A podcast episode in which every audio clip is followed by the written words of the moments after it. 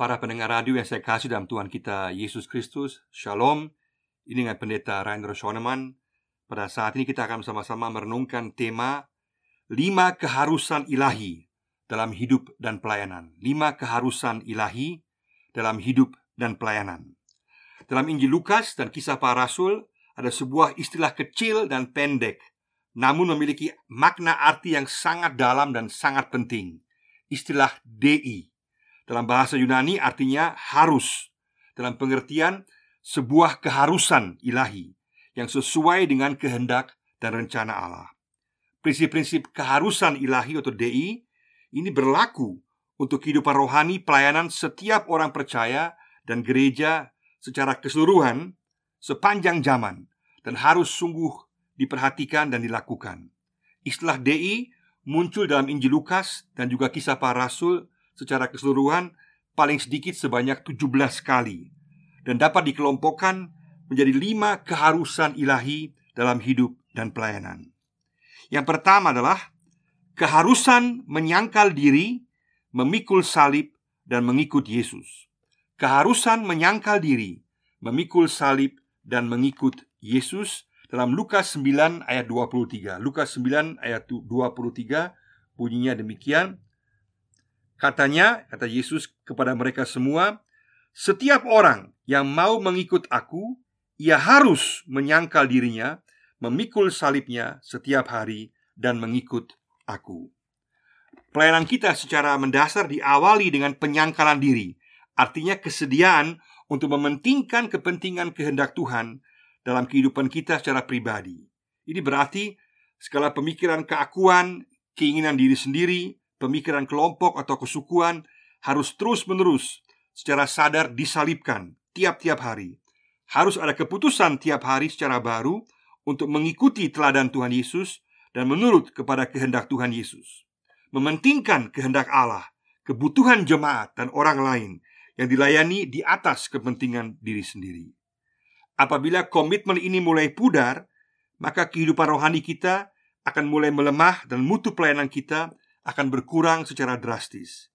Inilah dasar kehidupan rohani dan pelayanan kita. Jika digambarkan dengan sebuah rumah, maka hal mengikut Yesus adalah fondasinya. Tanpa fondasi ini, kehidupan rohani dan pelayanan kita akan rapuh. Mari bersama-sama kita membuat komitmen di hadapan Tuhan dan mengatakan, "Aku mau menyangkal diri, memikul salib, dan mengikuti teladan Yesus hari demi hari."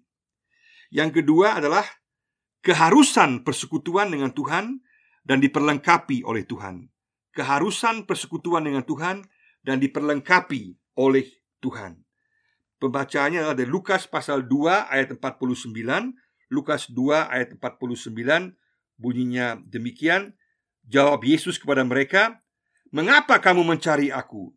Tidakkah kamu tahu bahwa aku harus berada dalam rumah Bapakku? Pembacaan yang kedua Lukas 19 ayat 5 Lukas 19 ayat 5 Bunyinya demikian Ketika Yesus sampai ke tempat itu Ia melihat ke atas dan berkata Sakeus Segeralah turun Sebab hari ini Aku harus menumpang di rumahmu Dan pembacaan yang ketiga Yaitu Dalam Lukas 24 Ayatnya yang ke-49 Lukas 24 49 Yaitu dan aku mengirim kepadamu apa yang dijanjikan Bapakku. Tetapi kamu harus tinggal di dalam kota ini sampai kamu diperlengkapi dengan kekuasaan dari tempat tinggi. Titik berangkat untuk kehidupan rohani pribadi dan segala pelayanan kita adalah persekutuan dengan Allah Bapa. Ini berarti berorientasi kepada firman Tuhan dan meminta hikmat, kemampuan, dan kekuatan dari Roh Kudus. Ini merupakan proses yang berjalan terus-menerus. Ini berarti juga belajar terus-menerus, sadar bahwa kita kosong di hadapan Tuhan dan rindu untuk diisi secara baru oleh Tuhan. Jika ini kita lakukan, maka kita kosong bersama Yesus. Kita akan diperlengkapi olehnya. Itulah kuasa wibawa pelayanan. Yesus sendiri berada dalam persekutuan dengan Bapaknya di sorga. Dan para murid pun juga belajar untuk hidup dalam persekutuan pribadi yang erat dengan Allah Bapa melalui Yesus. Jika persekutuan ini melemah, maka ada bahaya orientasi, arah, fokus, dan cara pelayanan kita menjadi rancu.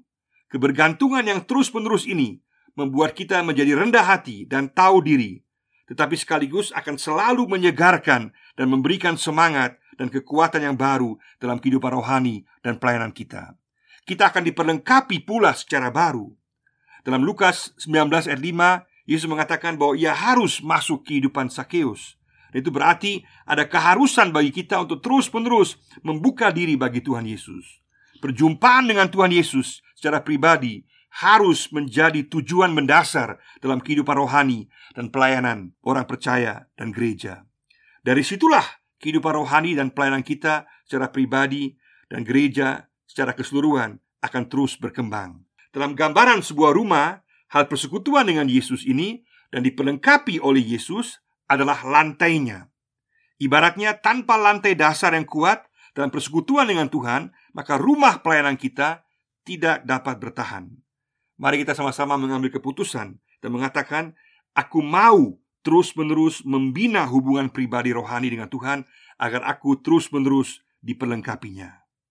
Yang ketiga adalah keharusan memberitakan Injil secara holistis, secara menyeluruh, rohani dan jasmani keharusan memberitakan Injil secara holistis, menyeluruh, rohani dan jasmani.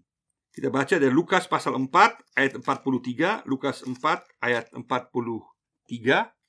Tetapi ia berkata kepada mereka, Yesus berkata kepada mereka, juga di kota-kota lain aku harus memberitakan Injil kerajaan Allah sebab untuk itulah aku diutus. Pembacaan yang kedua, Lukas pasal 13 ayatnya yang ke-16 Lukas 13 ayat 16 Bunyinya demikian Bukankah perempuan ini yang sudah 18 tahun diikat oleh iblis harus dilepaskan dari ikatannya itu karena ia adalah keturunan Abraham? Bacaan berikutnya dari Lukas 15 ayat 32 Lukas 15 ayat 32 Kita harus atau kita patut bersuka cita dan bergembira karena adikmu telah mati dan menjadi hidup kembali. Ia telah hilang dan didapat kembali. Kemudian juga Lukas 24 ayat 47, Lukas 24 ayat 47 bunyinya demikian. Dan lagi dalam namanya, dalam nama Yesus, berita tentang pertobatan dan pengampunan dosa harus disampaikan kepada segala bangsa mulai dari Yerusalem.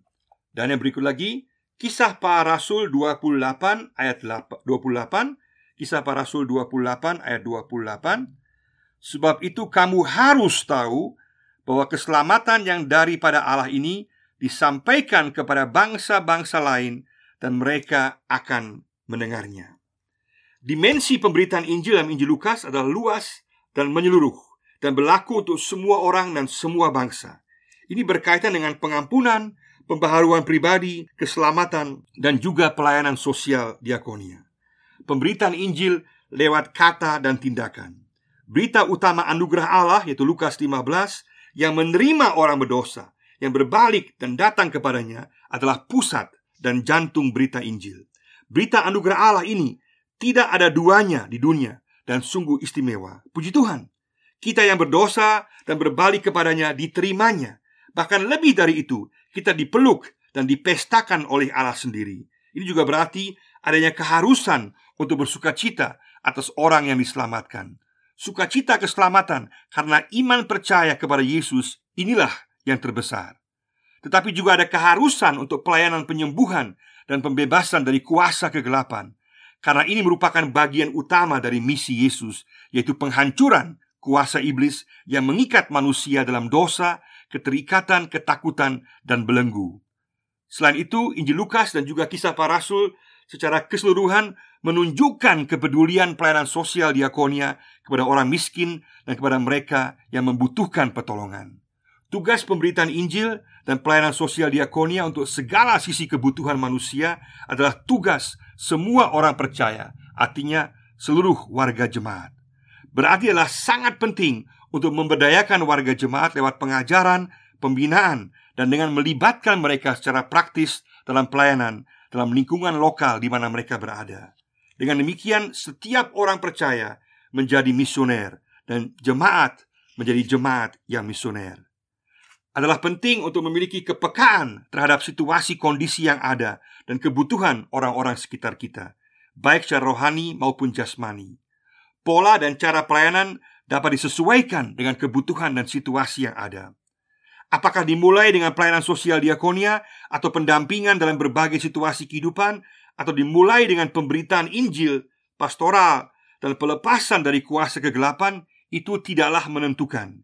Yang penting adalah sungguh menjawab kebutuhan yang nyata, baik rohani maupun jasmani, dan bahwa semua pelayanan bermuara kepada memperkenalkan kasih dan anugerah Allah yang memberikan pengampunan dan keselamatan dalam Yesus Kristus. Dalam bahasa teologis misi ini berarti bukan primacy yang menentukan tetapi ultimacy. Bukan yang utama yang menentukan tetapi akhirnya. Artinya kita bisa mulai dengan bidang pelayanan apa pun juga yang penting akhirnya bermuara untuk membawa orang untuk mengenal Yesus, mengenal berita keselamatan, berita anugerah dan pengampunan dari Yesus. Dalam situasi khusus, Injil juga akan diberitakan kepada suku bangsa yang lain, sebagaimana yang telah juga banyak terjadi di tanah Papua. Adalah penugasan khusus bagi pemberita Injil yang juga disebut misionaris. Definisi yang saya anggap baik dan tepat tentang siapakah seorang misionaris itu adalah seorang misionaris atau pemberita Injil adalah seorang pelintas batas geografi, bahasa, budaya, suku, bangsa, bahasa yang dalam kasih mengundang orang lain untuk memperoleh kehidupan dalam Yesus. Sekali lagi, seorang misionaris pemberita Injil adalah seorang pelintas batas geografi, bahasa, budaya, suku, bangsa, bahasa yang dalam kasih mengundang orang lain untuk memperoleh kehidupan dalam Yesus. Dalam gambaran sebuah rumah, penginjilan yang holistis ini yang menyeluruh baik rohani maupun jasmani adalah tembok-tembok rumahnya yang kuat. Sehingga kesaksian pelayanan akan dirasakan setiap orang dan orang merasa terlindung dalam pelayanan yang diberikan. Maukah kita menjadi pemberita Injil dengan kata dan tindakan dalam lingkungan di mana kita berada? Maukah kita pergi menjadi pemberita Injil jika Tuhan panggil kita ke daerah yang lain? Maukah kita memperhatikan semua sisi kebutuhan manusia secara menyeluruh, baik jasmani maupun rohani? Maukah kita menjadi orang-orang yang memberdayakan orang lain untuk terlibat dalam pelayanan penginjilan yang holistis ini? Maukah kita? Yang keempat, keharusan menderita bagi Yesus. Keharusan menderita bagi Yesus. Di sini ada beberapa bagian pembacaan. Pertama, Lukas 24 ayat 26. Lukas 24 ayatnya yang ke-26 dikatakan, Bukankah Mesias harus menderita semuanya itu untuk masuk ke dalam kemuliaannya? Yang kedua, Lukas 24 ayat 44. Lukas 24 ayat 44 dikatakan, Iya, Yesus berkata kepada mereka, Inilah perkataanku yang telah kukatakan kepadamu ketika aku masih bersama-sama dengan kamu, yakni bahwa harus digenapi semua yang ada tertulis tentang aku dalam kitab Taurat Musa dan kitab nabi-nabi dan kitab Mazmur. Kemudian juga ayat 46 Katakan demikian Katanya kepada mereka Yesus berkata kepada mereka Ada tertulis demikian Mesias harus menderita Dan bangkit dari antara orang mati Pada hari yang ketiga.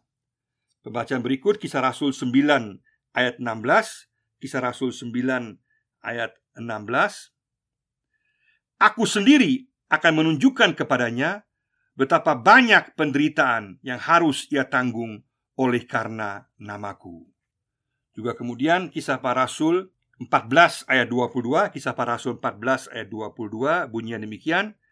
Di tempat itu mereka menguatkan hati murid-murid itu dan menasihati mereka supaya mereka bertekun di dalam iman dan mengatakan bahwa untuk masuk ke dalam kerajaan Allah kita harus mengalami banyak sengsara menjadi pengikut Yesus dan pelayanan penginjilan dapat membawa ke dalam penderitaan. Hal ini bukanlah hal yang baru dalam sejarah misi dan juga sejarah gereja. Dari awalnya, gereja juga adalah persekutuan penderitaan dan misi pun juga berisikan penderitaan.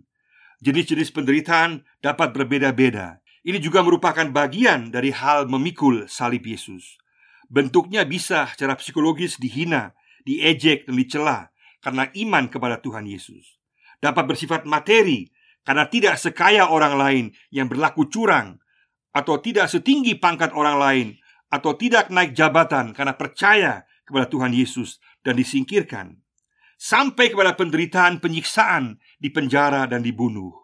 Faktanya, orang Kristen yang mati syahid pada abad yang lalu berjumlah sangat besar dan sampai hari ini di banyak negara orang Kristen menderita dan bahkan dibunuh. Tetapi juga adalah fakta bahwa semakin Injil dihambat, Injil semakin merambat.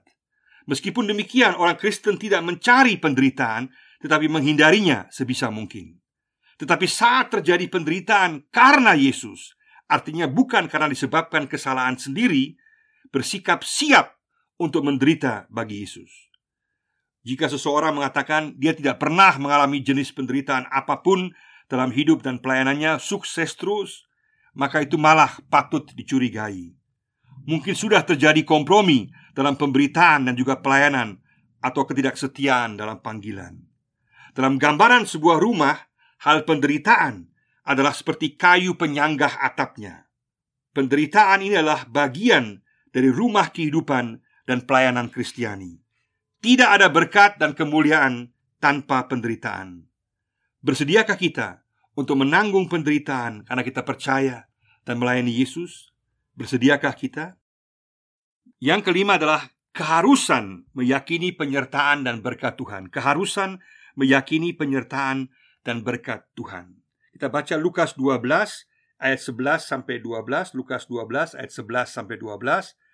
Apabila orang menghadapkan kamu kepada majelis-majelis atau kepada pemerintah-pemerintah dan penguasa-penguasa, janganlah kamu khawatir bagaimana dan apa yang harus kamu katakan untuk membela dirimu. Sebab pada saat itu juga Roh Kudus akan mengajar kamu apa yang harus kamu katakan. Kemudian juga Lukas 24 ayat 36 Lukas 24 ayat 36 ada janji Yesus Dan sementara mereka bercakap-cakap tentang hal-hal itu Yesus tiba-tiba berdiri di tengah-tengah mereka Dan berkata kepada mereka Damai sejahtera bagi kamu. Dan terakhir Lukas 24 ayat 50 Lukas 24 ayat 50 Lalu Yesus membawa mereka keluar kota sampai dekat Betania. Di situ ia mengangkat tangannya dan memberkati mereka. Dalam situasi mengikut Yesus, bersekutu dengan Yesus, memberitakan Injil Yesus, dan menderita karena Yesus, ada janji penyertaan, kekuatan, dan berkat dari Tuhan. Kita dipanggil untuk meyakininya. Ada berkat shalom Allah yang kekal. Iblis akan selalu berusaha untuk melemahkan iman percaya keyakinan kita. Iblis akan selalu berusaha mencobai dan melunturkan semangat kita dengan mengatakan percuma melayani Tuhan. Keyakinan kita akan penyertaan dan berkatnya akan selalu diuji. Dalam gambaran sebuah rumah, keyakinan akan penyertaan dan berkat Tuhan ini adalah atapnya. Jangan biarkan atap rumah iman kita menjadi bocor karena tidak meyakini penyertaan dan berkat Tuhan. Iman percaya dan keyakinan adalah suatu keputusan keyakinan kita ibaratnya membuat atap rumah pelayanan kita menjadi kuat dan tidak ditembus dengan keraguan. Mari kita katakan, aku mau meyakini penyertaan dan berkat dalam segala situasi kehidupan dan sampai kehidupan kekal dalam kesempurnaan bersama Tuhan Yesus. Aku mau meyakini penyertaan dan berkat Yesus dalam segala situasi kehidupan kita. Lima keharusan ilahi ini berkaitan dengan sikap kita secara pribadi, isi, dan tantangan pelayanan kita, serta keyakinan yang kita miliki. Kelima keharusan ini berkaitan dengan diri kita secara pribadi. Mengapa begitu? Mengapa Yesus tidak lebih banyak memberikan instruksi praktis agar pelayanan kita bisa berhasil? Karena bagi Allah yang terpenting adalah diri kita dan bukan pelayanan kita. Kalau kita hidup dalam persekutuan dengan Tuhan Yesus, mengikut Yesus, sedia menderita, terlibat dalam pelayanan Injil yang menyeluruh dan meyakini penyertaan dan berkat Yesus, maka pelayanan kita akan menghasilkan buah yang tetap dan kekal. Karena hanya orang yang telah diubahkan dapat mengubah keadaan sekitarnya.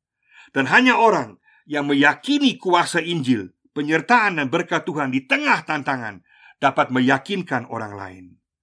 Marilah kita hidup dalam keharusan ilahi yang membawa pembaharuan bagi kita secara pribadi sehingga pelayanan kita menjadi berkat bagi orang lain.